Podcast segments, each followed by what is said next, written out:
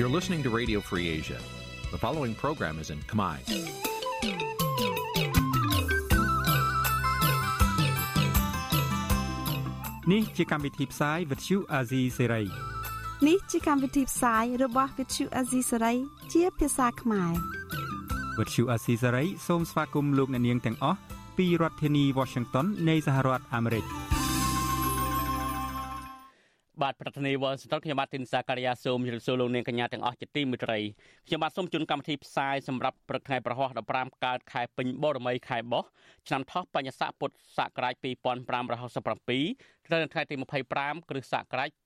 2024បាទជាដំបូងនេះសូមជម្រាបលោកនាងកញ្ញាស្ដាប់ព័ត៌មានប្រចាំថ្ងៃដែលមានមេត្តាដូចតទៅ thank you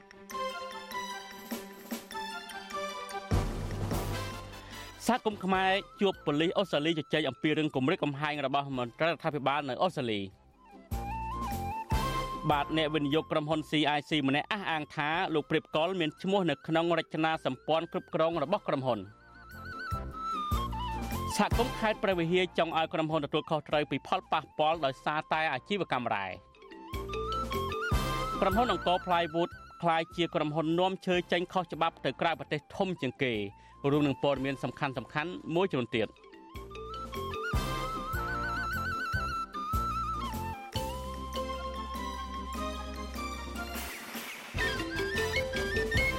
បាទលោកនេះទីមេត្រីនៅថ្ងៃនេះតំណាងសហគមន៍ខ្មែរនៅឯប្រទេសអូស្ត្រាលី គឺបាន ជួបប៉ូលីសរដ្ឋវីកតូរីយ៉ានៅទីស្នាក់ការសមាគមខ្មែរដើម្បីជជែកអំពីគម្រោងធ្វើបាតកម្មប្រឆាំងនឹងវត្តមានលោកហ៊ុនម៉ាណែតនៅដើមខែមីនានិងការគម្រាមកំហែងការជិតជ្រែកការបំបីបំបាក់សហគមន៍ខ្មែរពីក្រមមន្ត្រីជាន់ខ្ពស់រដ្ឋាភិបាលនៅឯប្រទេសអូស្ត្រាលី បាទសូមលោកនេះរងចាំស្ដាប់បទសម្ភាសន៍នេះរបស់លោកថាថៃជាមួយនឹងលោកហុងលីមអំពីបញ្ហានេះនាពេលបន្តិចនេះ កម្មវិធី Vithu Azizi ស្រីសម្រាប់ទូរស័ព្ទដៃអាចឲ្យលោកអ្នកនាង អានអត្ថបទទស្សនាវីដេអូនិងស្ដាប់ការផ្សាយផ្ទាល់ដោយឥតគិតថ្លៃនិងដោយគ្មានការរំខានដើម្បីអាននិងទស្សនាមេតិការថ្មីថ្មីពី Vithu Azizi ស្រីលោកអ្នកនាងគ្រាន់តែចុចបាល់កម្មវិធីរបស់ Vithu Azizi ស្រីដែលបានដំឡើងរួចរាល់លើទូរស័ព្ទដៃរបស់លោកអ្នកនាង។ ប្រសិនបើលោកអ្នកនាងចង់ស្ដាប់ការផ្សាយផ្ទាល់ឬការផ្សាយចាស់ចាស់សូមចុចលើប៊ូតុងរូបវិទ្យុដែលស្ថិតនៅផ្នែកខាងក្រោមនៃកម្មវិធីជាការស្ដាយ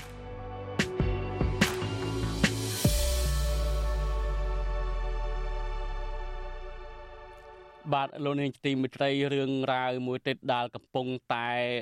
ភ្ញាក់ផ្អើលនៅលើបណ្ដាញសង្គម Facebook នោះគឺការ គឺការប្រមូលលុយគ្នាទៅចូលវិនិយោគនៅឯក្រុមហ៊ុន CIC ហើយដែលថ្ងៃនេះមានអ្នកវិនិយោគម្នាក់បានចេញមុខអះអាងថាអឺរឿងនេះគឺជាប់ពាក់ព័ន្ធនឹងលោកព្រៀបកុលហើយមកទល់ពេលនេះក្រុមហ៊ុននេះក្រោយពីការដាក់ទុនវិនិយោគហើយគឺមិនបានបង្ហាញអំពីដំណាភាពហើយលុយរបស់ពួកគាត់មិនដឹងជានៅទីណានោះទេ ហើយរយៈពេល2ថ្ងៃមកនេះខ្ញុំបាទហ្នឹងក៏បានទទួលសារពីអ្នកវិនិយោគដែលអះអាងថាពួកគាត់បានដាក់លុយចូលម្នាក់100000ម្នាក់ខ្លះដល់500,000ទៀតនោះក៏ប៉ុន្តែការវិនិយោគហ្នឹងខាងក្រុមហ៊ុនមិនបានបង្ហាញអំពីដំណាភាពហើយសួរនាំទៅក៏មិនបានបញ្ជាក់អំពីហេតុផលអ្វីច្បាស់លាស់នោះទេក៏ប៉ុន្តែអ្វីដែលជាការសំខាន់នោះគឺដូចដែលលោកនាងដឹងហើយគឺលោក Facebook ឈ្មោះ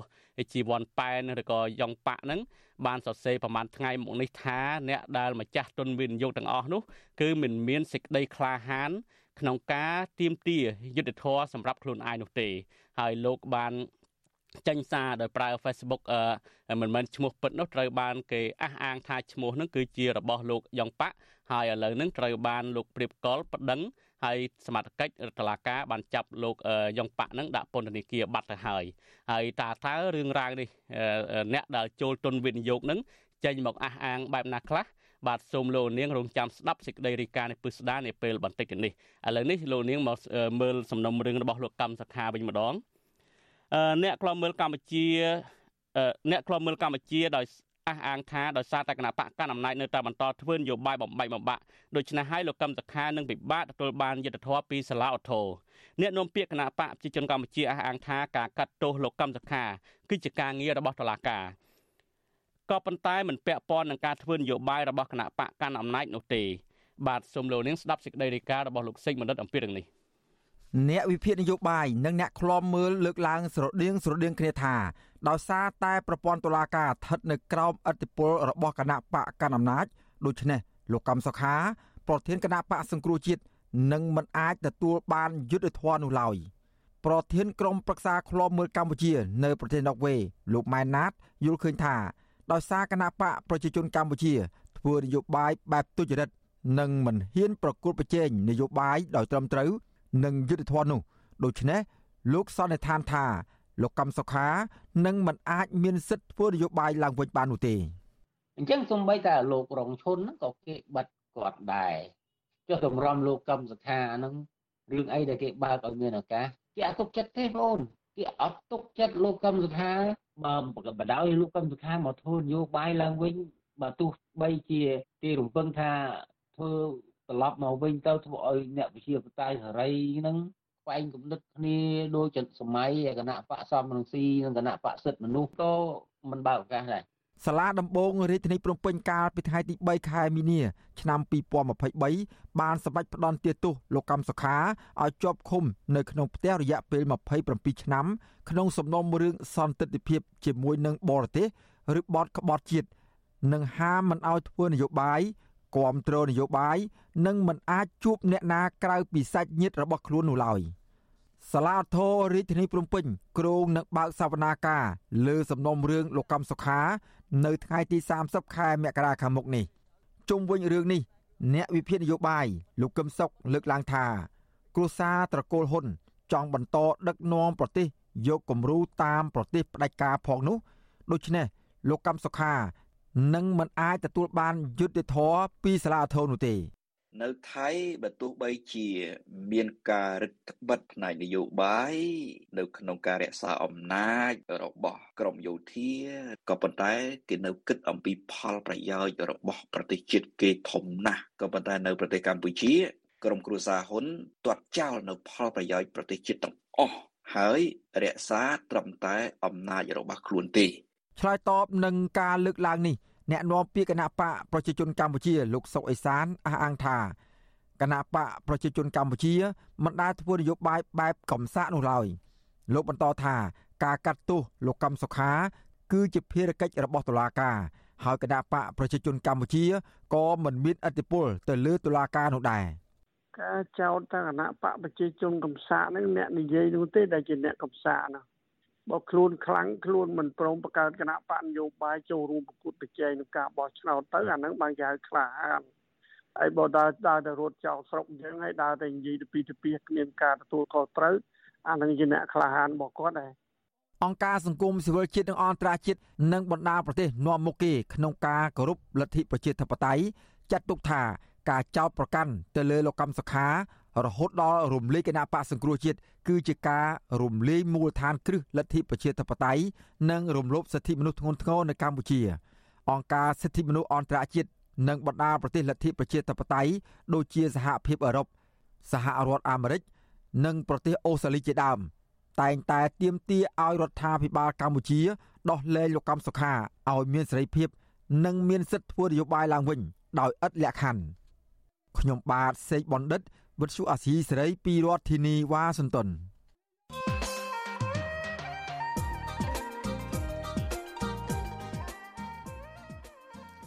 បាទលោកនាយកទីមេត្រីនៅសល់ពេលប្រមាណជាង1ខែទៀតទេការបោះឆ្នោតប្រសិទ្ធភាពនឹងមកដល់ការបោះឆ្នោតអសកលនេះគណៈបកប្រឆាំង2បានចូលរួមការបោះឆ្នោតគឺគណៈបកកម្លាំងជាតិនិងគណៈបកភ្លើងទៀនអ្នកជំនាញការបោះឆ្នោតលើកឡើងថាប្រសិនបើជាគណៈបកទាំងពីរធ្វើសម្បទានឲ្យគ្នាក្នុងការបោះឆ្នោត មិនធ្វើសម្បទានឲ្យគ្នាក្នុងការបោះឆ្នោតទេនោះគណៈបកកម្លាំងជាតិនិងគណៈបកភ្លើងទៀននឹងបាត់បង់អាសនៈប្រសិទ្ធភាពដូចគ្នាបាទសូមលោកនាងរងចាំទស្សនានីតិវិទ្យាអ្នកស្ដាប់វិទ្យុអាស៊ីសេរីដែលនឹងជជែកអំពីបញ្ហានេះនាយប់ថ្ងៃសុក្រស្អែកនេះបាទលោកនាងបើចង់បញ្ចេញមតិឬក៏សំណួរសូមដាក់លេខទូរស័ព្ទនៅក្នុងប្រអប់ក្នុង comment នៃការផ្សាយរបស់វិទ្យុអាស៊ីសេរី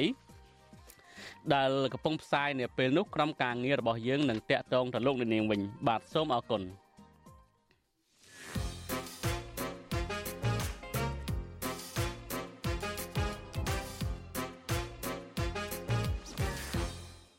មិនដែរពូថ្ងៃនេះយើងមិនបានអង្គុយក្បែរគ្នាទេយើងជជែកគ្នាពីចម្ងាយហើយអឺដោយសារអាកាសធាតុហ្នឹងក៏ខាងក្រៅហ្នឹងក៏ត្រជាក់ធ្លាក់ព្រិលហ្នឹងផងយ៉ាងម៉េចដែរពូយើងធ្វើពីចម្ងាយចេះអាចទៅរួចទេមើលទៅពូតាមពិតអាចទៅរួចហើយវាវាឆ្លោះបញ្ចាំងចេះផងតារាឆ្លោះបញ្ចាំងថាឥឡូវនេះគឺថាសម័យជឿនលឿនយើង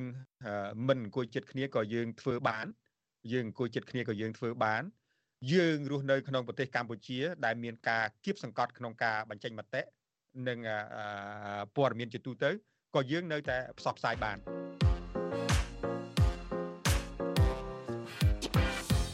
ដោយលោកនាងបានជ្រាបស្រាប់ហើយថានៅក្នុងរយៈកាលមួយខែចុងក្រោយនេះគឺថាមានការបណ្ដេញមន្ត្រីបញ្ចប់មុខតំណែងឬមួយក៏ការផ្ទេរក្របខ័ណ្ឌហ្នឹងជាបន្តបន្ទាប់ដែលកើតមានទៅលើមន្ត្រីរាជការហ្នឹងជាពិសេសគឺនៅក្នុងក្របខ័ណ្ឌក្រសួងមហាផ្ទៃនៅក្នុងជួរនគរបាលជាតិតែម្ដងការដកហូតបើកញ្ញៃពាក្យមួយទៀតឬអឺនៅក្នុងអភិក្រមទាំង5ចុងក្រោយហ្នឹងគឺវះកាត់ មន្ត្រីដែលពុករលួយតែយើងនិយាយមើលទៅខ្ញុំអង្គសម្រាប់មតិខ្ញុំខ្ញុំគិតថាវាល្អល្អច្រើនដោយសារទី1នៅពេលដែលយើងមានបើខ្ញុំប្រៀបធៀបនឹងសាច់សាច់បើសិនជាស្អុយមួយហើយគេដាក់ក្នុងកត្រទេអញ្ចឹងគេព្យាយាមដកវាចេញដើម្បីបង្ការកុំឲ្យសាច់ហ្នឹងវាតគ្នាឲ្យស្អុយពេញមកកត្រអញ្ចឹងទៅ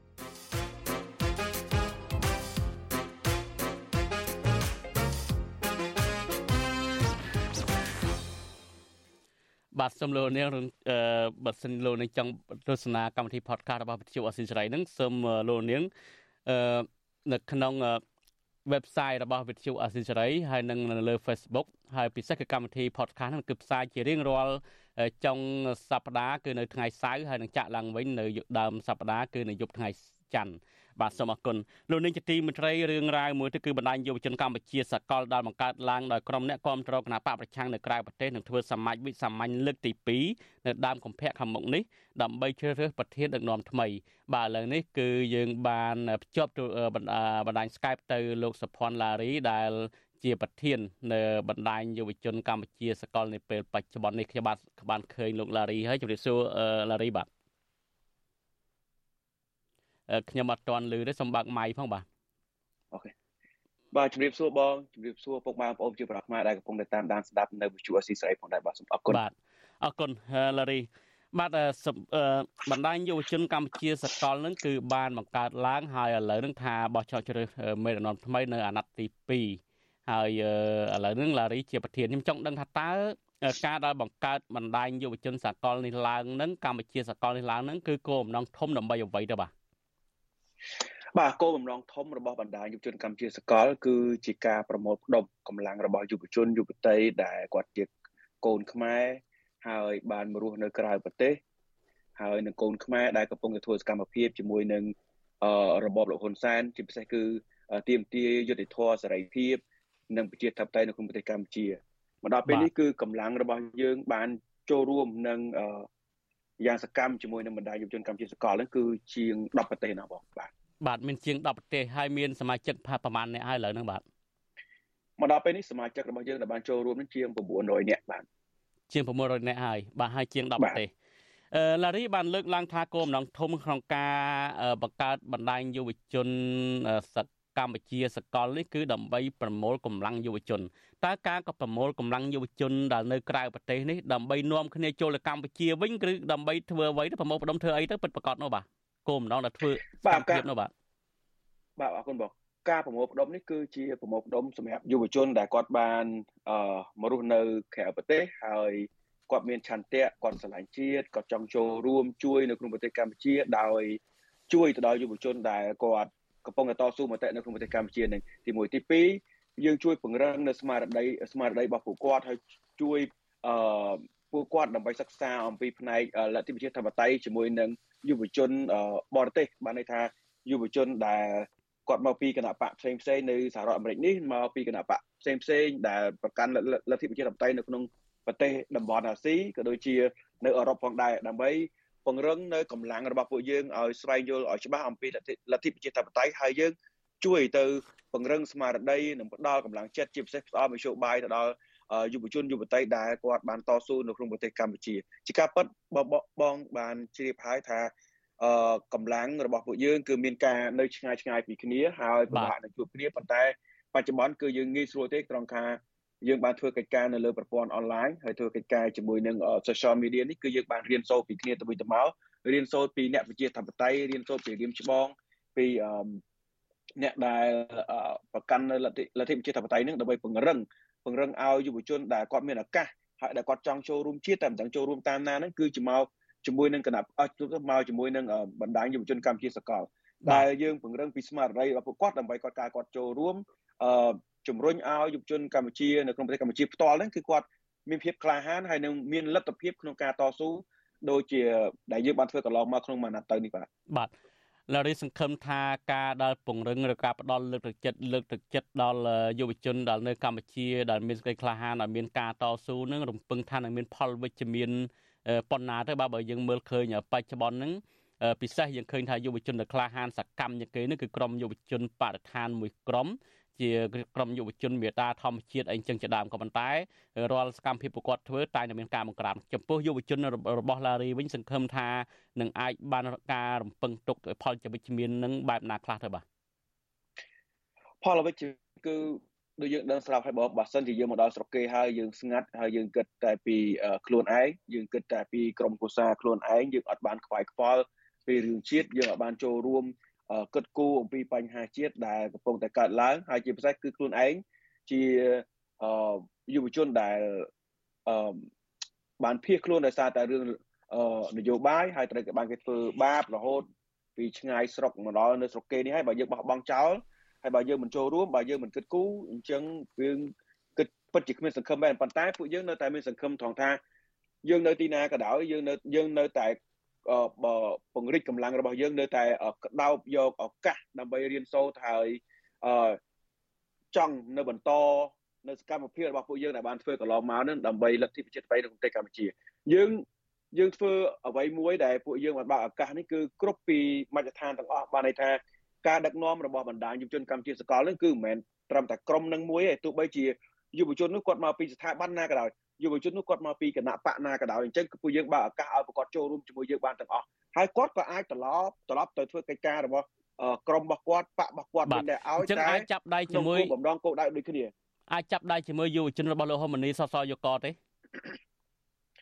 អាចដែរខ្ញុំបើឱកាសអាចដែរអាចទី1គឺយុវជនរបស់គណៈបកប្រជាជនបើសិនជាក្លាហានមានភាពក្លាហានអាចចូលរួមជាមួយនឹងបណ្ដាញយុវជនកម្ពុជាសកលបានដែរហើយបើសិនជាមានគោលដៅគិតដូចគ្នា និងគោលបំណងគិតដូចគ្នាថាអូឥឡូវរបបរបបលោកហ៊ុនសែនរបបលោកហ៊ុនម៉ាណែតធ្វើខុសហើយហ៊ាននិយាយហើយហ៊ានធ្វើដោយសកម្មភាពដែលបណ្ដាញយុវជនកម្ពុជាស្គាល់បានធ្វើហ្នឹងគឺយើងទទួលមិនត្រឹមតែយុវជនរបស់លោកហ៊ុនម៉ាណែតទេយុវជនគណៈបកណាក៏ដោយបណ្ដាញសង្គមអស់ទៅមកពី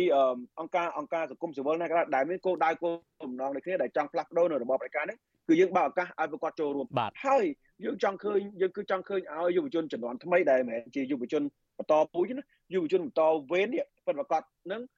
ហ៊ាននិយាយរកគ្នាហ៊ានដោះស្រាយបញ្ហាជាតិហើយហើយហ៊ាននិយាយហ៊ានជជែកគ្នាអំពីសង្គមជាតិរបស់យើងដែលកំពុងតែកើតឡើងហើយហ៊ាន debate គ្នាហ៊ាន debate គ្នាពួកខ្ញុំពួកខ្ញុំបានប្រជុំគ្នាថាពួកខ្ញុំនឹងបើកចិត្តឲ្យធំឲ្យទូលាយដើម្បីបង្ហាញថាក្នុងនាមជាយើងយុវជនចំនួនថ្មីហើយ យើងមិនខ្លាចក្នុងការ debate គ្នាទៅវិញទៅមកជជែកគ្នារឿងអរគុណចុងក្រោយនេះចង់សួរអំពីការធ្វើសមាជនៅថ្ងៃទី10នេះវិញឃើញថាថាជាអាណត្តិទី2អញ្ចឹងយុវជនបណ្ដាញកម្ពុជាសកលនឹងមានអាណត្តិប្រហែលឆ្នាំហើយសមាជថ្ងៃទី10នេះនឹងធ្វើបែបណាទៅបាទអរគុណបងសម្រាប់សំណួរមួយនេះខ្ញុំបាទក៏សូមជម្រាបជូនទៅដល់បងប្អូនអ្នកសារព័ត៌មានជាតិនិងអន្តរជាតិក៏ដូចជាពុកម៉ែបងប្អូនជាប្រកខ្មែរជាពិសេសជម្រាបជូនដល់យុវជនយុវតីដែលជា អឺបណ្ដាញរបស់យុវជនកម្ពុជាសកលតាមបណ្ដាប្រទេសនីមួយៗហ្នឹងឲ្យបានជៀបថាអឺអាណត្តិរបស់បណ្ដាញយុវជនកម្ពុជាសកលគឺមានរយៈពេល2ឆ្នាំក្នុងមួយអាណត្តិអញ្ចឹងអានេះគឺជាអាណត្តិទី2ហើយដែលយើងត្រូវសមាជម្ដងទៀតហើយជ្រើសរើសប្រធានថ្មីដើម្បីមកដឹកនាំហើយក្នុងការរៀបចំនេះគឺយើងធ្វើនៅថ្ងៃសៅរ៍ទី10ថ្ងៃសៅរ៍ទី10ខែកុម្ភៈនេះខាងមុខនេះនៅបាទវេលាម៉ោង8យប់នៅសហរដ្ឋអាមេរិកម៉ោង8ព្រឹកនៅប្រទេសកម្ពុជា ហើយការដែលយើងធ្វើនេះគឺមានរៀបចំការបោះឆ្នោតបោះឆ្នោតតាមអេឡិចត្រូនិកដែលយើងនឹងរៀបចំ website មួយ ជូនទៅដល់សមាជិកទាំងអស់ដែលគាត់បានចូលរួមដើម្បីคลิกទៅលើការបោះឆ្នោតនេះយើងមានការបង្កើតគណៈកម្មការរៀបចំការបោះឆ្នោតយើងមានអង្គការសង្គមស៊ីវិលមកពីអង្គការផ្សេងៗចូលរួមយើងមានថ្នាក់ដឹកនាំមកពីគណៈបកផ្សេងៗចូលរួមយើងមានយុវជនដែលគាត់ជាគេហៅថាយុវជនឯករាជ្យហ្នឹងគឺគាត់បញ្ចូលរួមក៏គាត់បាន មកជាភ្ញៀវកិត្តិយសនៅក្នុងសមាជយើងថ្ងៃខាងមុខនេះផងដែរបាទអរគុណច្រើនណារីបាទខ្ញុំបាទអរគុណហើយយើងតាមដានមើលបន្តទៀតអំពីការធ្វើសមាជនេះបាទសូមជម្រាបលាបាទបាទអរគុណសូមជម្រាបលាសូមជម្រាបលាពុកម៉ែបងប្អូនជាប្រកបទាំងអស់គ្នាផងដែរបាទលោកនេះទីមិត្តរីមុននឹងលោកនាងនឹងស្ដាប់សេចក្តីរាយការណ៍ដែលនិយាយអំពីការដាក់ទុនវិនិយោគរួមគ្នានៅក្រុមហ៊ុន CIC ហើយចុងក្រោយទៅមិនទទួលបានផលដូចបំណងនោះ អឺមុននឹងស្ដាប់សេចក្តីរាយការណ៍នេះសំលោកនាងស្ដាប់សេចក្តីរាយការណ៍របស់លោកយ៉ងចន្ទរាបន្តិចសិនតកតងនឹងអាញាធរខេត្តពោធិ៍សាត់កំពុងតែរកមធ្យោបាយសង្គ្រោះស្រូវប្រាំងជិត50000ហិកតាកំពុងតែប្រឈមនឹងការខ្វះខាតបូមទឹកបញ្ចូលស្រែស្របពេលដែលស្រូវប្រាំងរបស់កសិករជាង2000ហិកតាទៀតបានងាប់ទាំងស្រុង អភិបាលខេត្តពោធិ៍សាត់លោកខួយរីដាអះអាងថាអាញាធរភូមិឃុំនិងសមត្ថកិច្ចដេកចាំនៅវាលស្រែដើម្បីអន្តរាគមឲ្យកសិករបំដាក់ស្រែស្មើស្មើគ្នាជៀសវាងឆ្លោះទាស់តែងគ្នាបាទសូមលោកនាងស្ដាប់សេចក្តីរាយការណ៍របស់លោកយ៉ងច័ន្ទរាអំពីរឿងនេះដូចតទៅអាញាធរខេត្តពោធិ៍សាត់ឲ្យដឹងនៅថ្ងៃទី25មករាថាស្រូវប្រាំងរបស់កសិករជិត50000ហិកតា បានខូចខាតមួយចំនួនហើយដោយសារតែកសិករធ្វើស្រែប្រាំងឆ្ងាយពីប្រភពទឹកដែលអាជ្ញាធរពិបាកនឹងជួយសង្គ្រោះ អភិបាលខេត្តពោធិ៍សាត់លោកខូរីដាប្រាប់វិទ្យុអាស៊ីសេរីថាអាជ្ញាធរបានបូមទឹកបញ្ចូលអូប្រឡាយនិងបឹងមួយចំនួនដោយកំណត់ឲ្យកសិករបូមទឹកដាក់ស្រែស្មើស្មើគ្នាលោកថាមន្ទីរកសិកម្មខេត្តពោធិ៍សាត់វាតម្លៃថាគិតមកដល់ពេលនេះស្រែប្រាំងរបស់កសិករនៅក្នុងស្រុកបាកាន និងស្រុកកណ្ដៀងទំហំជាង2000ហិកតា បានខូចខាតទាំងស្រុងនៅតំបន់ឆ្ងាយពីប្រភពទឹក និងតំបន់ខ្លះទៀតកំពុងក្រៀមស្វិត ហើយអាជ្ញាធរកំពុងអន្តរាគមជួយសង្គ្រោះវាយស្រុកវាយក្នុងប្រឡងមេឃខុបក៏កម្លាំងប្រាប់អត់ទឹកដេកនៅតាមបាត់តឡាយដើម្បីបែកចែកទឹកបើសិនជាមិនទៅធ្វើអញ្ចឹងទេពួកគាត់នឹងប្រហែលជាកាប់ចាក់នេះស្ដាប់នៅណាទេធ្វើឲ្យស្ងប់ស្ងាត់មានសម្លាភាពបែងចែកទឹកនេះទទួលយកបានទាំងអស់គ្នាយកទៅជីស្ទួទាំងអស់ហ្នឹងក៏ពិធីតាបញ្យល់និយាយគ្នាទៅវិញទៅមកអភិបាលខេត្តរូបនេះឲ្យដឹងទៀតថា តម្លៃស្រូវឆ្នាំនេះហក់ឡើងថ្លៃទ្វេមួយជា2បើធៀបនឹងកាលពីឆ្នាំមុនតម្លៃស្រូវក្នុង1គីឡូក្រាម700ដល់800រៀលក៏ប៉ុន្តែឆ្នាំនេះស្រូវមានតម្លៃចន្លោះពី1300រៀលទៅ1500រៀលក្នុង1គីឡូក្រាមលោកខូរីដាបន្ថែមទៀតថាប្រសិនបើសង្គ្រោះស្រូវប្រាំងរបស់កសិករបានទាន់ពេលវេលានោះនឹងជួយដល់ជីវភាពរបស់ប្រជាពលរដ្ឋលោកថាអាញាធរខេត្តបានស្នើទៅរដ្ឋាភិបាលកសាងទំនប់ទឹកធំធំបន្ថែមទៀតនៅក្នុងស្ទឹងពោធិ៍សាត់ ដើម្បីផ្ដល់ទឹកឲ្យប្រជាពលរដ្ឋធ្វើស្រែប្រាំងគ្រប់គ្រាន់ចាប់តាំងពីចុងខែធ្នូរហូតមកដល់ពេលនេះកសិកររស់នៅក្នុងស្រុកបាកាននិងស្រុកកណ្ដៀងខេត្តពោធិ៍សាត់កំពុងមមាញឹកបូមទឹកបញ្ចូលស្រែនិងស្វះស្វែងរកទឹកពីមធ្យោបាយផ្សេងផ្សេងដើម្បីស្រោចស្រពស្រូវប្រាំងរបស់ពួកគាត់កសិករខ្លះបានជីកអណ្ដូងហើយកសិករខ្លះទៀតបានទិញទឹកតាមរថយន្តយកមកពីតំបន់ឆ្ងាយដើម្បីបាញ់ស្រោចស្រពស្រែប្រាំងរបស់ពួកគាត់កសិករមួយចំនួនបានដណ្ដើមគ្នាបូមទឹកពីប្រឡាយ អូនិងស្ទឹងដែលធ្វើឲ្យប្រភពទឹកធំធំរីងខាស់ជុំវិញរឿងនេះប្រធានមជ្ឈមណ្ឌលប្រជាពលរដ្ឋដើម្បីអភិវឌ្ឍនិងសន្តិភាពលោកយងកំឯងយល់ថាបញ្ហាខ្វះទឹកធ្វើស្រែប្រាំងបានកើតឡើងជាច្រើនឆ្នាំមកហើយលំមដល់ពេលដែលរដ្ឋាភិបាលដោះស្រាយដោយត្រូវពន្លឿនការកសាងប្រព័ន្ធធារាសាស្ត្រគ្រប់ច្រកល្ហកដើម្បីផ្ដល់ទឹកគ្រប់គ្រាន់ចែកជូនពលរដ្ឋធ្វើកសិកម្មគ្រប់រដូវ ខ្ញុំបង្កើតវេទិកាកសិកម្មមួយទៅខ្ញុំថាគូថារៀបចំហើយអញ្ជើញអ្នកជំនាញចម្រុះគិតគូផ្ដោតទៅលើវិស័យកសិកម្មជាបញ្ហាខ្លះយើងមើលឃើញប៉ុន្តែបើយើងគិតទៅយើងថាហ្នឹងអាចនឹងចាយលុយច្រើនបាទប៉ុន្តែបើយើងអញ្ជើញទៅជែកគ្នាភាសាបានកុផលហើយជាយើងអាចរកឃើញទៅរស់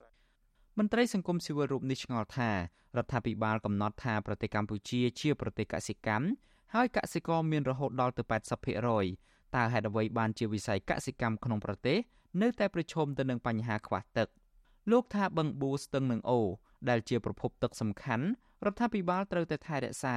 និងជីកស្ដារពង្រីកបន្ថែមទៀតដើម្បីបង្កើតចរន្តបង្ហូរទឹកលឿនងាយស្រួលកសិករធ្វើកសិកម្មហុចផលច្រើនអញ្ញាធិខេត្តពោធិ៍សាត់ឲ្យដឹងថាផែនការកសាងទំនប់ទឹកធំធំចំនួន2នៅក្នុងស្ទឹងពោធិ៍សាត់នឹងផ្ដើមកសាងនៅឆ្នាំ2024នេះ ហើយគម្រោងនេះអាចឲ្យកសិករនៅក្នុងខេត្តឈប់ប្រឈមបញ្ហាខ្វះទឹកនៅឆ្នាំ2026និងឆ្នាំ2027ខាងមុខខ្ញុំយ៉ងច័ន្ទដារាវិទ្យុអាស៊ីសេរី Washington បានដូចទីមេត្រីដំណើរគ្នានឹងការស្ដាប់នៃការផ្សាយរបស់វិទ្យុអាស៊ីសេរីតាមបណ្ដាញសង្គម Facebook YouTube និង Telegram លោកនាងក៏អាចស្ដាប់កម្មវិធីផ្សាយរបស់វិទ្យុអាស៊ីសេរីតាមរលកធាតុអាកាសខ្លី ឬ Shortwave តាមកម្រិតនិងកម្ពស់ដោយតទៅនេះពេលព្រឹកចាប់ពីម៉ោង5កន្លះដល់ម៉ោង6កន្លះតាមរយៈប៉ុស SW 93.90 MHz ស្មើនឹងកម្ពស់ 32m និងប៉ុស SW 11.85 MHz ស្មើនឹងកម្ពស់ 25m ពេលយប់ចាប់ពីម៉ោង7កន្លះដល់ម៉ោង8កន្លះតាមរយៈប៉ុស SW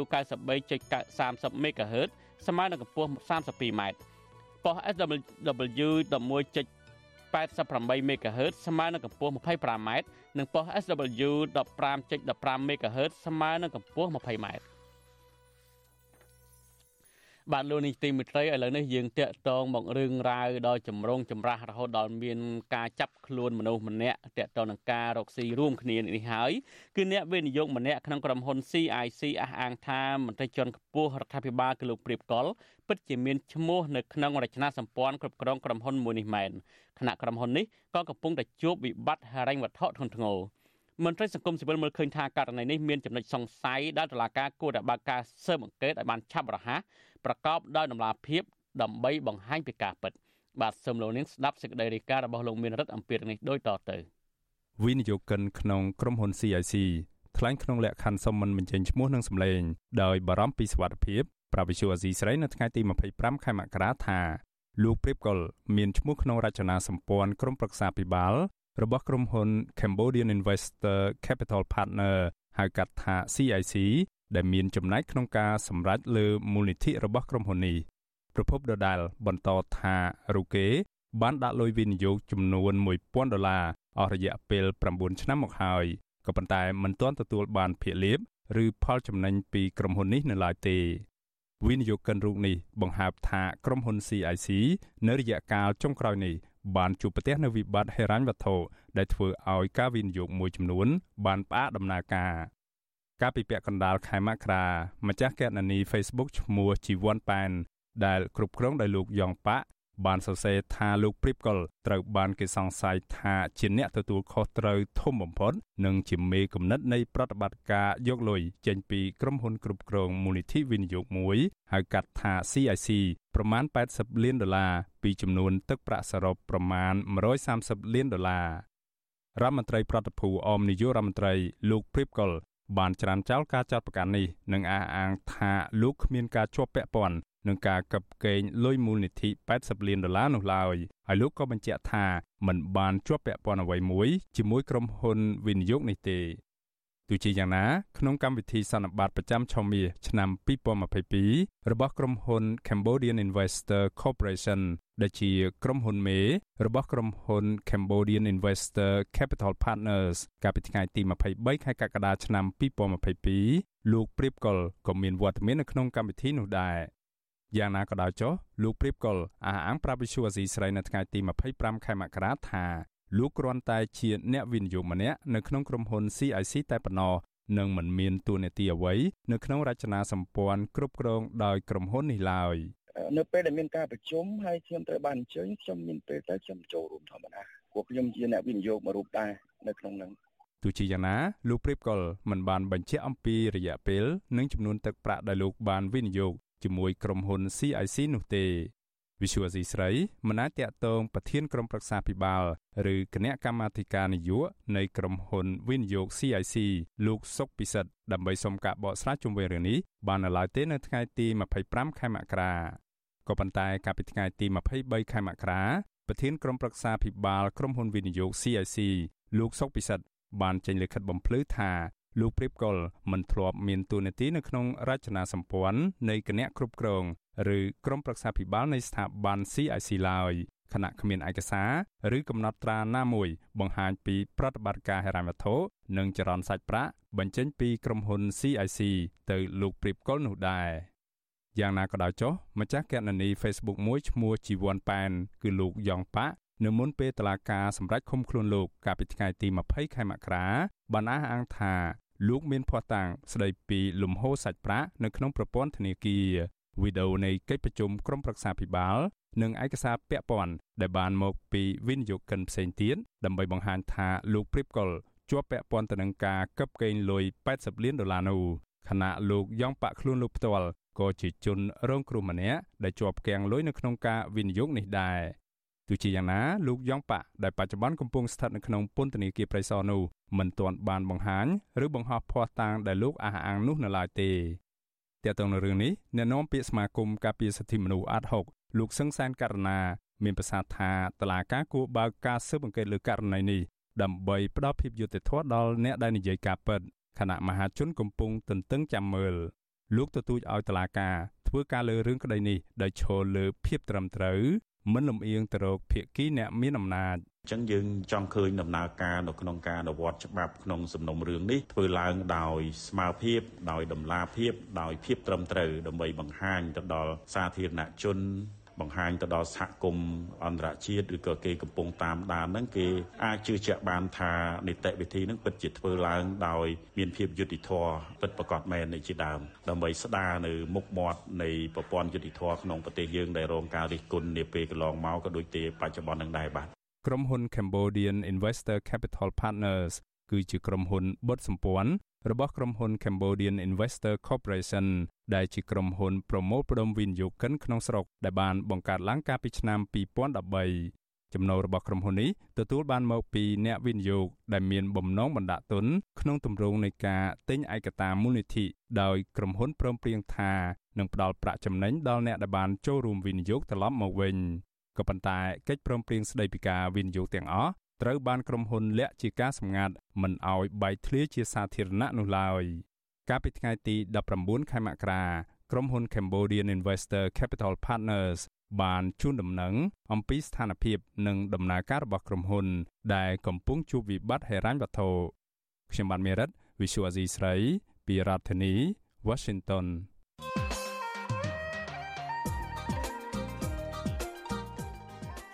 បានលុញទីមិត្តនៅសល់ពេលប្រមាណជាមួយខែទេទេការបោះឆ្នោតប្រសិទ្ធភាពនឹងមកដល់ការបោះឆ្នោតអសកលនេះគឺមានគណៈបកប្រឆាំងពីរចូលរួមការបោះឆ្នោតគឺគណៈបកភ្លឹងទៀននិងគណៈបកកម្លាំងជាតិ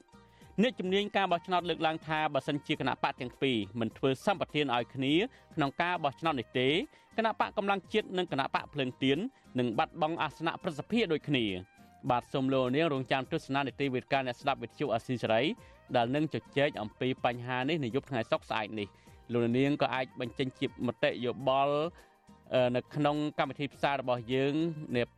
ដោយផ្ទាល់នៅក្នុងការផ្សាយរបស់យើងនៅយប់ថ្ងៃសុក្រស្អែកនេះដែលគ្រាន់តែដាក់លេខទូរស័ព្ទនៅក្នុងខ្ទង់ comment Facebook YouTube ក្រុមការងាររបស់យើងនឹងហៅទៅលោកនាងវិញបាទសូមអរគុណ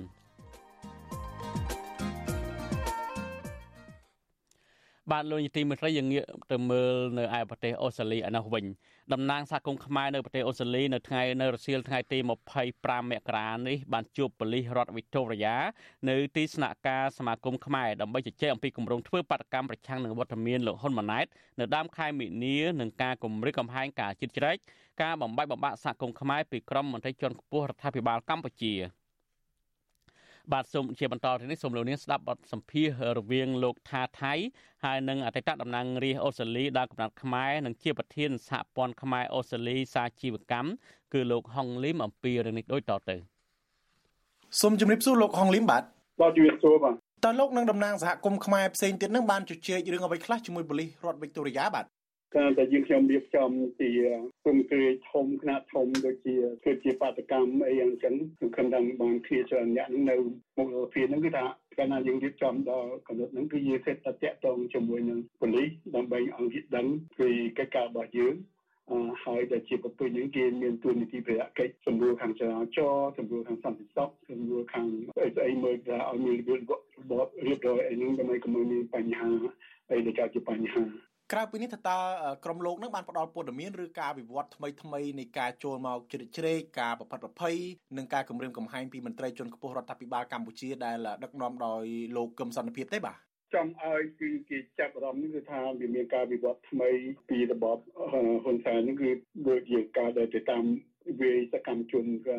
លោកស្រមស្រនគឺដែលជាអ្នកកញ្ជោខ្មែរពីសិទ្ធិសញ្ញាក្រុងប៉ារី1991ហ្នឹងគឺថាបាយបាយក្បាលអញ្ចឹងយើងគិតថាចង់ឲ្យប៉ូលីសនៅនេះគឺយើងប្រហែលជាមិនចាក់តងមួយប៉ូលីសសហព័ន្ធទៀតព្រោះនេះគឺជាកិច្ចការអន្តរជាតិដែរថាបើសិនជារបបពីភ្នំពេញមកហ្នឹងហ៊ានទៅតាមវាយសកម្មជនខ្មែរ ដែលទៅធ្វើកម្មភាពនៅបរទេសនៅប្រទេសថៃហ្នឹងគឺយើងមានការព្រួយបារម្ភថាពួកហ្នឹងប្រហែលជាអាចហ៊ានក៏ឃ្លឿនបើទៅបាយគេបាយឯងគ្រប់កន្លែងដោយសារវាគ្រប់ទៅបាយគេបាយឯងពេញសុកក្នុងសងណាអាចវាមកធ្វើអំពើហិង្សាខូខើគេឲ្យវាប្រៃផ្សាយចាំគំនិតកំហែងយើងហ្នឹងឲ្យឲ្យបាក់ដកក្លោកខ្លាយហ្នឹងនៅនៅនៅក្រុងម៉ែបួនទៀតបាទវាចង់ឲ្យពលីហ្នឹងចាប់បន្តពីហ្នឹងហើយឲ្យយកចិត្តទុកដាក់ពីហ្នឹង ថាតើប៉ូលីសមានការចាប់អារម្មណ៍និងឆ្លើយតបយ៉ាងម៉េចដែរអំពីការគម្រាមកំហែងការជ្រៀតជ្រែកមកពីរដ្ឋអំណាចកម្ពុជាចូលមកទឹកដីប្រទេសអូស្ត្រាលីនេះបាទយើងបានធ្វើការទៀមទាយើងបានធ្វើគេពីអង្គការ representation បានធ្វើការអំពីនេះឲ្យបានជាតំណាងទៅក្រសួងមហាផ្ទៃហើយប៉ូលីសសហព័ន្ធនេះគឺស្ថិតនៅក្នុងការគ្រប់គ្រងរបស់ក្រសួងមហាផ្ទៃរបស់លោកស្រី Claire នេះហ្នឹងអញ្ចឹងខ្ញុំសូមបើកគម្រោងមួយគឺបានជំរាបមួយពីមុនមកគេថាគឺជាករណីពិសេសណាស់គេថារដ្ឋមន្ត្រីក្រសួងមហាផ្ទៃហ្នឹង ហើយដែលទទួលខុសត្រូវពីរឿងថាមានអន្តរាគមឬក៏តាមវិធានសនាពីបរទេសមកចង់មកធ្វើឲ្យមានការជឿជាក់កិច្ចការក្នុងរបបទីអូស្ត្រាលីនេះគឺថាជាលើកទី1ដែលមានរដ្ឋមន្ត្រីគាត់ហ៊ានបានប្រកាសថាប្រទេសកម្ពុជាជាប្រទេសមួយក្នុងចំណោមប្រទេស4គាត់ថាគេមិនដែលមានអញ្ចឹងទេគេថាគេបានតែគេនេះគេចង្អុលមុខត្រង់ត្រង់ណាដឹងខ្លួនទេគេដឹងហើយដូច្នេះគេបានតែគេយកចិត្តទុកដាក់គិតគូរមើលតើតើណាខាងចេញចូលចេញចូលនោះមកធ្វើអីតើដើម្បីមើលមើលប្រយោជន៍ទៅទៅណា គេគេដឹងគេលឺគេយកចិត្តទុកដាក់គេតាមសង្កេតបាទដូច្នេះខ្ញុំជឿថាគុំសន្តិភាពឲ្យនឹងកដោដែលមកមុនក្រុមអ្នកឈានមុខដើម្បីមករៀបចំទទួលគុំអំណាចមុនដែរអញ្ចឹងគឺថាគេតាមតាមមើលខ្ញុំជឿថាគេយកចិត្តទុកដាក់ពួកគេមិនដែលប្រកាសលីងលីងទេតែកាលណារហូតដល់ទៅគេនិយាយឲ្យគឺរឿងរឿងធំមកព្រឹកមិញគេក៏បាននិយាយដែរនេះជាប៉ូលីសខាងរដ្ឋវីតូរីយ៉ាទេគេនឹងធ្វើជំនះតំណងទៅដៃគូគេខាង ផ្នែកសហព័ន្ធដើម្បីឲ្យដឹងថារឿងរឿងនឹងខ្ញុំនឹងមកថាប៉ុន្តែយើងខ្ញុំក៏បានតាក់ទងជាមួយនឹងសមាជិកសភា Julian Hill ឲ្យមានការតាក់ទងទៅពលិសហកេរនឹងដើម្បីគេដឹងពីយកចិត្តទុកដាក់ពីការរៀបចំកតកម្មនឹងដូច្នេះយើងធ្វើរបស់នេះគឺថាយើងប្រតិកម្មជាមួយបាទ ឥឡូវនេះលោកកឹមសន្តិភាពដែលជាមនុស្សចំណិតរបស់លោកហ៊ុនម៉ាណែតដែលតែងតែជាយន្តហោះមកពង្រឹងបណ្ដាញជ្រៀតជ្រែកបំបីបំបាក់សហគមន៍ខ្មែរបំបីបំបាក់វត្តអារាមក៏ចាប់ផ្ដើមផ្ញើសារវាយប្រហារលើថ្នាក់ដឹកនាំសហគមន៍ខ្មែរជាបន្តបន្ទាប់រួមមានរូបលោកផងដែរក្នុងពេលដែលសហគមន៍ខ្មែរនឹងប្រកាសជួបជុំគ្នាជាបន្តបន្ទាប់ជាពិសេសចូលរួមកិច្ចប្រជុំមួយនៅវត្តខ្មែរ Melbourne ហ្នឹងគឺនៅថ្ងៃទី28មករា ដើម្បីពិគ្រោះយោបល់គ្នារឿងធ្វើបាតកម្មប្រឆាំងវត្តមានលោកហ៊ុនម៉ាណែតដែលគ្រោងមកចូលរួមកិច្ចប្រជុំអាស៊ានអូស្ត្រាលីនៅដើមខែមិនិនាខាងមុខនេះបាទលោកកឹមសន្តិភាពក៏បានតាំងខ្លួនជាអ្នកគោរពសាសនាហើយចោទថាតំណាងសហគមន៍ខ្មែរនឹងកំពុងប្រវត្តិអារាមជាជំរកនយោបាយអឹមហើយក្រោយពេលប្រសង់ តំណាងសហគមន៍ខ្មែររួមមានលោកជាដើមនឹងបញ្ចេញប្រតិកម្មតបថាលោកកឹមសន្តិភាពទៅវិញទេដែលជាអ្នកជន់ឈ្លីព្រះពុទ្ធសាសនាតាមរយៈសកម្មភាពកន្លងមកដែលបំបីបំបាក់ប្រសង់តាមវត្តឲ្យទៅជួយឃោសនានយោបាយអគុណសន្តិភាពអីជាដើមនឹងតាមធ្វើទុកបុកម្នេញប្រសង់អង្គណាដែលជួយឆ្អើរឿងសង្គមជាតិហើយបើភៀសប្រកាយមិនទាន់ទេគឺថាត្រូវបានចាប់ផ្សឹកនិងដាក់គុកជាដើមអឺ ហើយបើតាមពិតសហគមន៍ខ្មែរនៅទីនេះខំកសាងវត្តអារាមដើម្បីគោរពព្រះពុទ្ធសាសនាយ៉ាងខ្ជាប់ខ្ជួន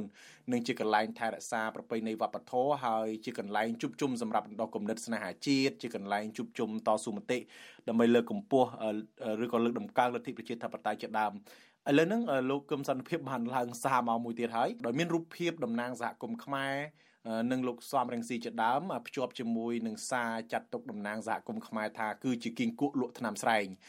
បរោះពាក់ក្បាលខ្សែក្រវ៉ាត់មាសរូបនេះក៏តាំងខ្លួនជាជនរងគ្រោះថាគ្រាន់តែលោកបញ្ចេញទស្សនៈយល់ឃើញប៉ុណ្ណឹងអំពីសារៈសំខាន់នៃវត្តអារាមខ្មែរនៅក្រៅប្រទេសក៏ចោទថាជាការគំរាមទៅវិញ លោកបន្តសារថាមិនគូយកឈ្មោះសហគមន៍ខ្មែរនេះជាលេសដើម្បីបិទបាំងសកម្មភាពបកនយោបាយក្នុងវត្តនោះទេតើតើលោកហុងលីមានអ្វីឆ្លើយតបទេបាទឈ្មោះគាត់មានក្នុងវិជីច្បាប់ឆ្កែរហូតដល់សមាជិកសភានៅអូស្ត្រាលីគឺដែលគាត់យកចិត្តទុកដាក់គិតគូររឿងខ្មែរនេះគឺគាត់បានប្រកាសកុំឲ្យរដ្ឋាភិបាលធ្វើអន្តរជាតិយ៉ាងម៉េចកុំឲ្យឈ្មោះហ្នឹងមកជន់ដីអូស្ត្រាលីទៀតព្រោះគាត់ដឹងថាឈ្មោះហ្នឹងគឺបានមកហ្នឹងគឺថាបានបង្កើតតែអំពើព្រួយបារម្ភអំពើគេភ័យខ្លាចឲ្យចាំអំភ័យគេមកកលូនតែខ្ញុំទៅអត់ឲ្យចម្លើយចំពោះបុគ្គលឈ្មោះហ្នឹងគឺគឺត្រង់ថាខ្ញុំឃើញថាគាត់ហ្នឹងគឺថាខ្ញុំបីក្នុងជួរគាត់ហ្នឹងគេអត់មានយកចិត្តទុកដាក់គិតគូរពីគាត់ផងឃើញនៅគាត់មានតែខំប្រឹងចង់អត់ចង់រួចនឹងចង់ឲ្យបានជារដ្ឋមន្ត្រីនេះតែគេអត់ឲ្យទួនាទីជារដ្ឋមន្ត្រីបើតែគាត់មិនមែនជាតួអង្គសំខាន់នៅក្នុងរដ្ឋាភិបាលទេតែដូច្នេះគេឲ្យគាត់មកលេងល្បែងនៅអូស្ត្រាលីនឹងទៅហើយមកអីបង្កើតពាក្យអីណាហើយគាត់ខ្លួនឯងដេញលោកអស់ជាង140អង្គណាត់ពិវត្តអីណាមួយហើយ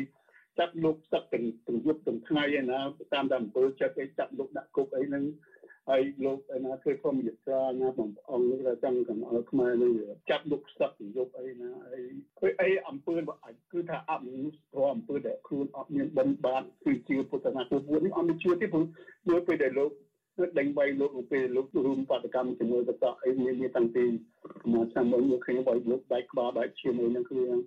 ពួកអានេះគឺតែជាពួកដេរឆានពួក ថ្មើហ្មងពួកពួកអត់មានគេថាលក្ខណៈកន្លែងណាគោរពពុទ្ធសាសនាអីតតែសោះបើអញ្ចឹងលោកកឹមសន្តិភាពទៅវិញទៅដឹងដែលជាគីងគក់លក់ឆ្នាំស្រែងព្រោះធ្វើបាបប្រសង់ដែលជឿឆ្អើរឿងសង្គមជាតិនិងដើរត្រួតត្រាប្រសង់តាមវត្តឲ្យងាកមកគ្រប់គ្រងមេកោយរបស់ខ្លួនដើម្បីបន្តក្តោបផ្ដាប់អំណាចតាមបែបផ្ដាច់ការការរំលោភសិទ្ធិមនុស្សបំផ្លាញលទ្ធិប្រជាធិបតេយ្យនិងការបំបិទសិទ្ធិសេរីភាពជាមូលដ្ឋានរបស់ប្រជាពលរដ្ឋដែលដោយដែលសហគមន៍ជាតិនិងអន្តរជាតិតែងតែរិះគន់ថ្កោលទោសកន្លងមកនោះបាទ ខ្ញុំហើយពួកនឹងតែដេរឆានដែរព្រោះវាហួសពីទីគក់លក់តាមផ្សារបើថាទីគក់នឹងមានលទ្ធភាពគេលក់តាមផ្សារឲ្យទៅឲ្យទៅជាជំនឿណាខ្លះគឺប្រហែលជាគុណភាពគួរប្រសើរហើយមកពួកនឹងដែលធ្វើអ្វីទាំងអស់នៅស្រុកខ្មែររហូតមកថាថាគឺធ្វើដើម្បីបំផ្លាញជាតិបំផ្លាញខ្លួនឯងគឺអត់មានខ្មាស់អត់មានអៀនអត់មានសុខណាដែលគេធ្វើអញ្ចឹងសោះព្រោះបើសិនជាធ្វើឲ្យស្រួលទៅគេគោរពហើយគេចង់បានតែខ្ញុំចង់ហេតុអីបានដូចជាហ៊ុនម៉ាណែត នឹងមិនខិតខំធ្វើអ្វីដែលដើម្បីឲ្យថាគឺថាគេមិនចង់ឲ្យគាត់ធ្លាក់គេមិនចង់ឲ្យគាត់ចុះចេញពីតំណែងនាយកអង្គការចឹងធ្វើមកឲ្យគេចង់បានជាអ្នកដឹកនាំបន្តទៅទៀតប៉ុន្តែតែអីគាត់ធ្វើរហូតមកនេះគឺជាការស្រងាក់ចិត្តយ៉ាងធំធេងគឺគាត់ធ្វើនេះគឺសាហាវជាងឪពុកគាត់ទៅទៀតលោកហ៊ុនម៉ាណែតនឹងទើបកាន់តំណែងថ្មីថ្មោងដែរហើយវិញមិនទុកឱកាសឲ្យគាត់ទៀតបាទបែរជាសហគមន៍ខ្មែរនៅអូស្ត្រាលីនឹងសម្រាប់ធ្វើបាតកម្មទ្រង់ទ្រីធំប្រឆាំងវត្តមានគាត់នៅអូស្ត្រាលីបាទ ជាប្រពៃណីក្នុងនយោបាយនឹងគឺគេឲ្យអា100ថ្ងៃដំបូងនៃការរបបណាដែលកម្មណាហ្នឹងគេឲ្យរយៈពេល100ថ្ងៃហ្នឹងហើយប៉ុន្តែជាទូទៅជាធម្មតាហ្នឹងគឺថាអ្នកណាក្នុងគណៈបកប្រធានគណៈបកនយោបាយឬក៏នាយករដ្ឋមន្ត្រីណាឬគេនៅស្អីណាក៏ដោយដែលជាក្នុងប្រទេសស៊ីវិល័យឬប្រទេសថៃធ្នូឬប្រទេសដែលមានការទទួលខុសត្រូវឬប្រទេសជាធិបតេយ្យប្រកបហ្នឹងគឺគេមានអាកម្មវិធីគេហ្នឹងគេហៅថាកម្មវិធីគេអាចដូចកវិទាំងជ័យបានក្នុង100ថ្ងៃនេះខ្ញុំនឹងធ្វើអីខ្លះ អត់គេមានហ្នឹងយើងតែលឺហ៊ុនហ៊ុនម៉ាណែតនិយាយពីធ្វើអីទេអត់មានតតែសោះតាំងពីមុនទៅអត់ដល់ក៏មិនដឹងយើងអត់ថាយើងមិនដឹងគាត់ធ្វើអីផងក៏អត់មានកម្មវិធីនយោបាយអីតតែសោះតែថាអញនឹងនៅតែបន្តអំណាចគេឲ្យអញទៀតប៉ុន្តែប៉ុន្តែពេលឡើងកាន់អំណាចនោះភ្លាមលោកហ៊ុនម៉ាណែតហ្នឹងក៏បានប្រកាសពីគោលនយោបាយច្រើនណាស់របស់លោកដូចជាគោលនយោបាយបញ្ចកោណរបស់លោកជាដើមនោះបាទអបញ្ចកោណបញ្ចកាំងអីបញ្ចយុគួតអីហ្នឹងគឺធ្វើគាត់ធ្វើឲ្យតាំងពីឲ្យគាត់ធ្វើមកថាឆ្នាំមកតាយើងយើងមើលឃើញ តើបានតែផលខ្លះជាមួយប្រមាណបាទចៅពីគ្រឿងសង្វឹងពេញស្រុកក្រៅពីគ្រឿងញៀនពេញស្រុកហើយគឺថាអត់មានខ្វល់មានអៀនតែថាអីតែថាកូនខ្លួននឹងជាតកែតែដែរអត់មានជួបបានការការងារទេតែគូខ្មែរតែទៅរត់ទៅស៊ីឈ្នួលក្នុងគេធ្វើកិច្ចការដែលធ្ងន់ធ្ងរដែលពិបាកដែលកខ្វក់ដែលគ្រោះថ្នាក់ហើយចោលកូនចោលចៅបើយើងនិយាយពីពុកមួយលួយពីពុកមួយលួយគេថាពុកក៏លួយពីលើដល់ដល់ក្រោមហើយយើងយើងគិតមើលថាចេញចូលមកកម្មណាត់នេះថាអូយើងត្រូវតែ ណាជឿរឿងបុគ្គលបុគ្គលិកធ្វើការអីហ្នឹងឲ្យបានក្រាល្អត្រឹមត្រូវមានសមត្ថភាពសមត្ថភាពបកកែមកខ្លួនប្រមូលខ្លួនគ្នាគ្នាឲ្យបាក់ពួកខ្លួនឯងជាង1000នាក់ចូលមកធ្វើហ្នឹងតើអានឹងមិនពុកលួយទេងាកមករឿងធ្វើបាតុកម្មនៅថ្ងៃទី2ខែមីនានៅមុខរដ្ឋសភារដ្ឋវិកតូរីយ៉ានោះថាតើចង់បានអ្វីខ្លះបាទទីមួយយើងចង់ផ្ញើសារឲ្យច្បាស់ទៅរបបហ្នឹងនឹងថាយើងអត់ពេញចិត្តនឹងរបបខ្លួនទេព្រោះយើងយើងដឹងខ្លួនឯងនឹងបោះឆ្នោតយ៉ាងកំសាកបំផុត មិនឲ្យគេបានបោះឆ្នោតគឺជាការដែលបោះឆ្នោតមិនត្រឹមត្រូវរបបដែលខុសច្បាប់របបដែលអង្គុយផ្សាយទៅហៅពុកលួយជាងគេទៅមិនទៅបីតែទៅតាក់ទងនឹងការប្រជុំប្រមុខរដ្ឋាភិបាល190នាក់ក្នុងសេដ្ឋកិច្ចកម្ពុជាពិភពលោកហ្នឹងគឺគេបានចាត់តាំងលោកហ៊ុនម៉ាណែតនេះគឺក្នុងចំណោមប្រមុខរដ្ឋាភិបាលដល់កខ្វក់គួរខ្លួនឲ្យនឹង12នាក់ហើយមើល190នាក់លោកយើងជាប់ក្នុងវិជាក្នុងមនុស្ស12នាក់ហ្នឹងតើវាយើងវាយ៉ាងម៉េច ក្រៅពីនេះតើនឹងដាក់ញត្តិទៅរដ្ឋាភិបាលអូស្ត្រាលីទេយើងនឹងធ្វើហើយនឹងផ្ញើទៅលោកនាយករដ្ឋមន្ត្រីហើយនឹងរដ្ឋមន្ត្រីក្រសួងការបរទេសហើយនឹងក្រសួងមហាផ្ទៃដើម្បីឲ្យគាត់ដឹងពីស្ថានភាពអីស្ថានភាពទាំងអស់នឹងបើគាត់មានឱកាសបាននិយាយផ្ទាល់ជាមួយលោកហ៊ុនម៉ាណែតនឹង យើងមានបញ្ជីមួយដែលនឹងជូនទៅគាត់ណាតែពេលទៅគឺរឿងដោះលែងគឺថាអ្នកនយោបាយពិសេសគឺអាយដាមកម្មសខាដោះលែងដូចជាញាជុំពីធនហ្នឹងដែលវាកណ្ដាមកអូស្ត្រាលីសោះហើយថាជីវកម្មករបានជាគាត់មកហ្នឹងគឺពីពីសង្ហាចិត្តពីខុសចិត្តគេដឹងថាហេតុអីបានវាមានរឿងដល់ប៉ុណ្ណឹងទៅជារឿងដែលមិនត្រូវមានទៅតែសោះអ្វីជាសារអំពាវនាវចុងក្រោយរបស់លោកនោះបាទសង្ឃឹមថាបងប្អូនខ្មែរទាំងអស់ដែលបានលើពីការអំពាវនាវនេះគឺ នៅវេលាម៉ោង1ថ្ងៃសៅរ៍ទី2ខែមីនានេះគឺខែ3ហ្នឹងវាពួកសំថានេះគឺជួបប្រជុំបានម៉ោង1នៅមុខរដ្ឋាភិបាលអញ្ចឹងសង្គមដាយើងទាំងអស់គ្នានឹងមានទូនីតិភារៈកិច្ចធ្វើយ៉ាងម៉េចឲ្យមានកម្លាំងខ្មែរនៅបរទេសហើយជាតំណាងឲ្យខ្មែរនៅក្នុងស្ពតផងថាចង់ឲ្យតែខ្មែរនឹងគឺឲ្យមានសិទ្ធិសេរីភាពមានសិទ្ធិមនុស្សមានលទ្ធភាពរស់នៅខៃឆ្នោតដោយ អ្នកចិត្តខាងបាទសូមអរគុណលោកហុងលឹមដែលបានផ្ដល់បទសម្ភាសន៍ដល់វិទ្យុអស៊ីសេរីនៅពេលនេះបាទសូមជម្រាបលាអរគុណបាទលោកនាយទីមន្ត្រីលោកនេះទៅបានស្ដាប់បទសម្ភាសន៍របស់លោកថាថៃនិងលោកហុងលឹមដែលលោកហុងលឹមទើបតែបានជួបប៉ូលីសរដ្ឋវីតូរីយ៉ាដើម្បីជជែកអំពីគម្រោងបាតកម្មរបស់បរដ្ឋខ្មែររបស់បរដ្ឋអូស្ត្រាលីដើមកំណត់ខ្មែរដែលនឹងជជែកអំពីគម្រោងធ្វើបាតកម្មប្រឆាំងនឹងលោកហ៊ុនម៉ាណែតបាទលោកនាយទីមន្ត្រីខ្ញុំសូមជូនដំណឹងល្អមួយ គឺលោកនាងប្រកាសជាតឹងរងចាំលោកជនចិត្តបត់ហើយហើយតាមខ្ញុំដឹងនឹងលោកប្រាប់ថាលោកនឹងវិលមកធ្វើការបំរើផ្សាយព័ត៌មានបំរើលោកនាងវិញគឺនៅដើមខែ2ខាងមុខនេះហើយសូមលោកនាងរងចាំវត្តមានរបស់លោកដែលនឹងមកធ្វើការជាធម្មតាឡើងវិញបាទលោកនាងជាទីមេត្រីយើងងាកមកមើលរឿងមួយទៀតស្ត្រីខ្មែរដែលរងគ្រោះដោយសារតែការជួញដូរឲ្យដឹងថានៅតំបន់ត្រីកោណមាសជិតច្រកចេញចូលព្រំដែនរវាងប្រទេសមីយ៉ាន់ម៉ាឬភូមានិងចិន មានក្រុមម៉ាហ្វ្យាចិញ្ចឹមចិនមួយក្រុមកំពុងតែលាក់ខ្លួនធ្វើសកម្មភាពនៅទីនោះបាទសូមលោកនាងស្ដាប់សេចក្តីរាយការណ៍របស់អ្នកស្រីសុជីវីអំពីរឿងនេះដូចតទៅការទម្លាយឲ្យដឹងព័ត៌មាននេះបន្ទាប់ពីស្ត្រីខ្មែររងគ្រោះពីររូបបានរួចខ្លួនពីក្រុមអ្នកជួញដូរនៅពេលមានការប្រយុទ្ធគ្នារវាងកងទ័ពរដ្ឋាភិបាលមីយ៉ាន់ម៉ានិងក្រុមកងទ័ពជនជាតិភៀតតិចដែលប្រឆាំងរដ្ឋាភិបាលយោធាបានកើតឡើងនៅទីនោះ ស្ត្រីខ្មែរទាំងពីររូបនោះគឺជាជនរងគ្រោះដោយសារតែអំពើជួញដូរមនុស្សពីសំណាក់ជនជាតិចិននៅក្នុងប្រទេសមីយ៉ាន់ម៉ាហើយទើបតែរួចខ្លួនវិលត្រឡប់មកដល់មាតុភូមិវិញកាលពីថ្ងៃទី19ខែមករាតាមរយៈការជួយជ្រោមជ្រែងពីក្រសួងការបរទេសនៃប្រទេសកម្ពុជាស្ត្រីម្នាក់នៅក្នុងចំណោមជនរងគ្រោះបានប្រាប់ទៅក្រុមអ្នកប្រឹក្សាយោបល់របស់អង្គការក្រៅរដ្ឋាភិបាលថារូបនាងធ្លាប់ជាបុគ្គលិកធ្វើការនៅក្នុងកាស៊ីណូមួយនៃខេត្តប្រសេះអនុ ដែលមានប្តីជាជនជាតិចិនជាអ្នកគ្រប់គ្រងកាស៊ីណូនោះកាលពីអំឡុងខែមិថុនាឆ្នាំ2023មានថៅកែជនជាតិចិនម្នាក់នៅប្រទេសមីយ៉ាន់ម៉ាបានតាក់ទងមកប្តីរបស់នាងឲ្យទៅធ្វើជាអ្នកគ្រប់គ្រងកាស៊ីណូនៅឯប្រទេសមីយ៉ាន់ម៉ាវិញ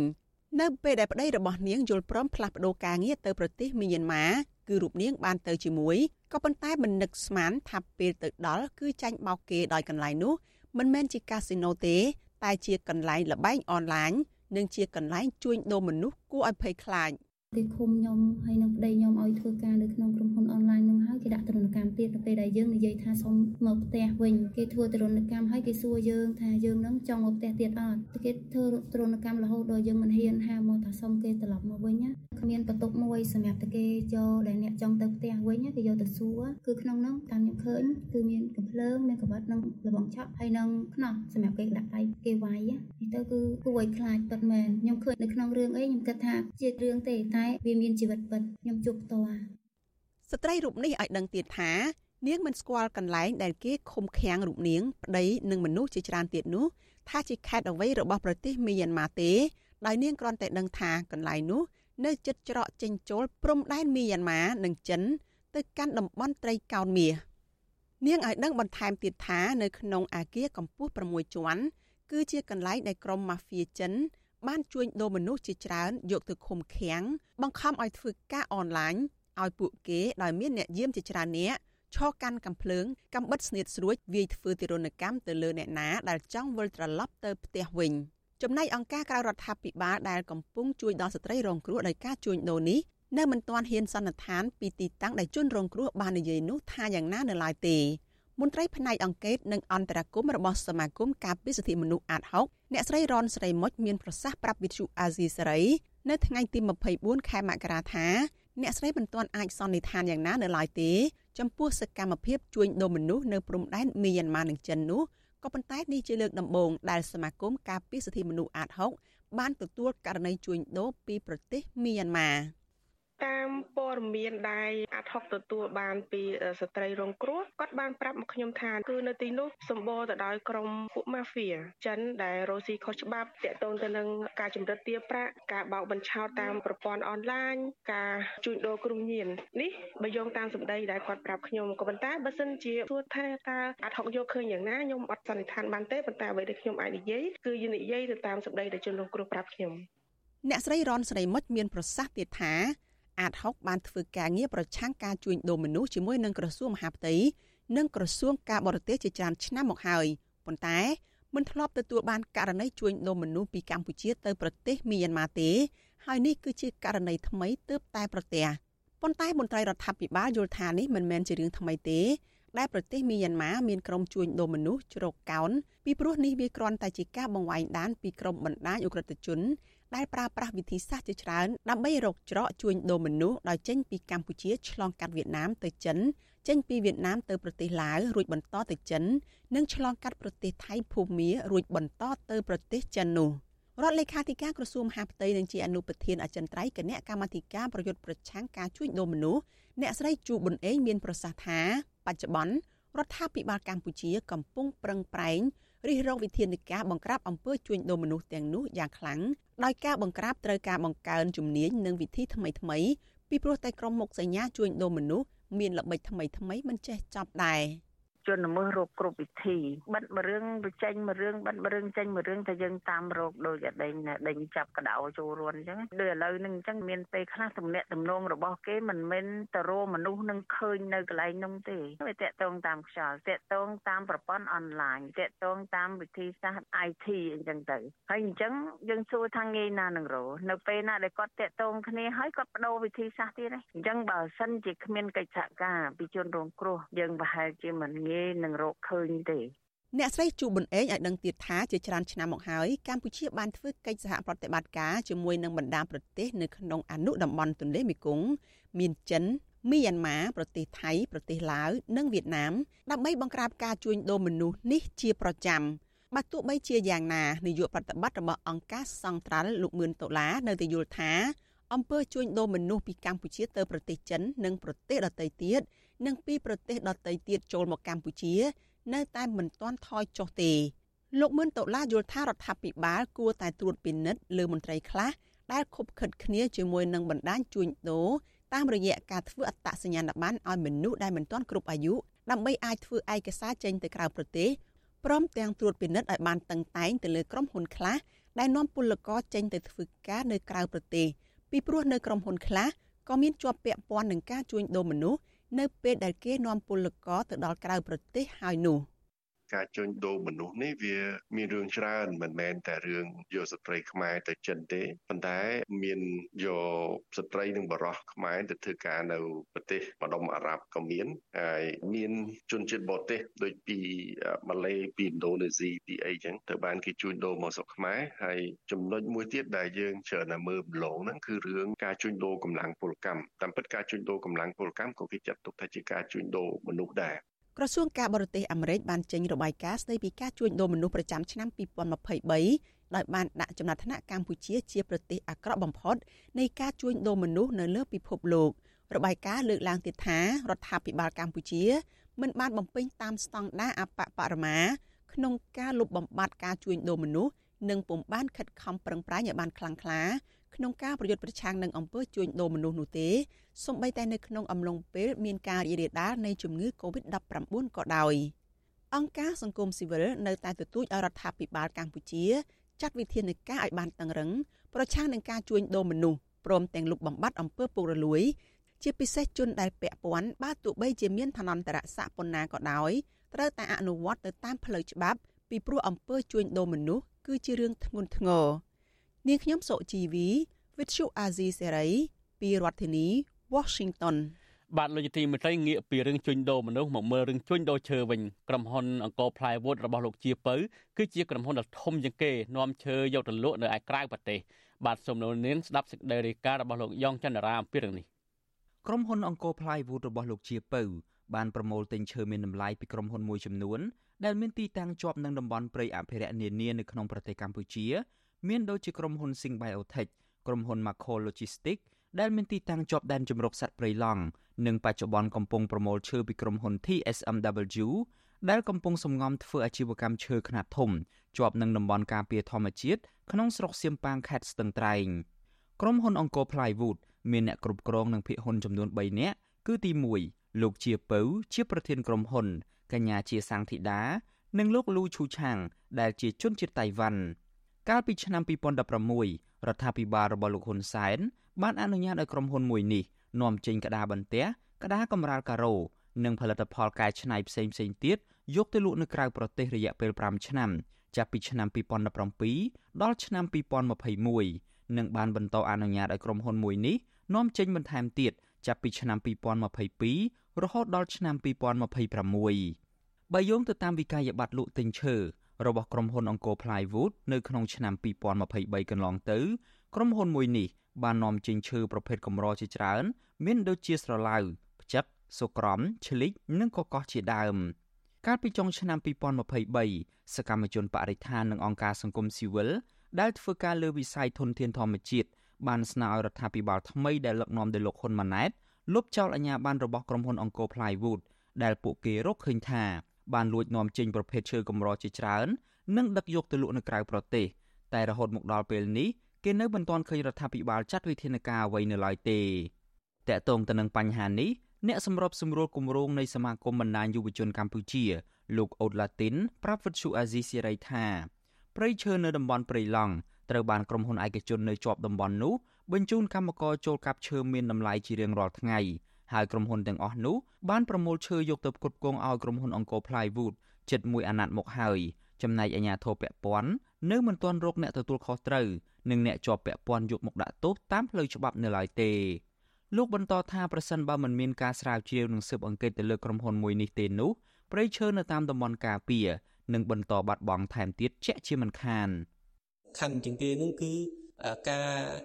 អនុញ្ញាតឲ្យមានការដឹកជញ្ជូនឈើឆ្លងដែនដើម្បីធ្វើអាជីវកម្មទៅកាន់បរទេសនឹងជាដើមជាពិសេសទៅកាន់ប្រទេសវៀតណាមហើយនិងទៅកាន់ប្រទេសមួយចំនួនទៀតពីសំណាក់លាឈ្មោះធំធំ ដែលជាប់ពាក្យពន្ធនឹងរាជរដ្ឋាភិបាលតាំងពីអាណត្តិចាស់ហើយរហូតដល់អាណត្តិថ្មីនេះ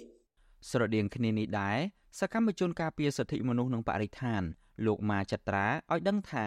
កន្លងទៅប្រជាពលរដ្ឋនៅតាមមូលដ្ឋាននៅតំបន់ការពារគឺជាជនរងគ្រោះចំណែកអ្នកដែលបំផ្លាញធនធានធម្មជាតិពិតប្រាកដគឺជាក្រុមហ៊ុនធំធំ និងមន្ត្រីមួយចំនួន ដែលខົບខិតគ្នាប្រព្រឹត្តអំពើពុករលួយជាមួយនឹងអ ுக ្រិតជនទាំងនោះទើបធ្វើឲ្យបាត់បង់ព្រៃឈើលឿនបែបនេះ បើសិនជារដ្ឋាភិបាលមានឆន្ទៈចង់កែប្រែអំពើល្មើសច្បាប់ពីការបំផ្លិចបំផ្លាញបៃឈើនេះមែនរដ្ឋាភិបាលត្រូវតែចាំបាច់កម្ចាត់ចោលឲ្យអស់នៅអំពើពុករលួយពាក់ព័ន្ធទៅនឹងវិស័យបៃឈើហើយនឹងបើកឱកាសឲ្យទលំទលាយឲ្យសហគមន៍មូលដ្ឋានហ្នឹងចុះល្បាតបៃចុះការពារបៃឲ្យយុវជនឲ្យប្រសងក្តីនឹងចូលបៃដោយសេរីវិទ្យុអាស៊ីសេរីមិនអាចតាក់ទងប្រធានអង្គភិបអ្នកនាំពាក្យរដ្ឋាភិបាលលោកប៉ែនបូណា និងប្រធានក្រុមហ៊ុនអង្គរ Plywood លោកជាពៅដើម្បីសុំការអធិប្បាយអំពីរឿងនេះបានទេ កាលពីថ្ងៃទី24ខែមករាដោយទូរស័ព្ទចូលតែពុំមានអ្នកទទួលទោះជាយ៉ាងនេះក្តីប្រធានក្រុមហ៊ុនអង្គរ Plywood លោកជាពៅ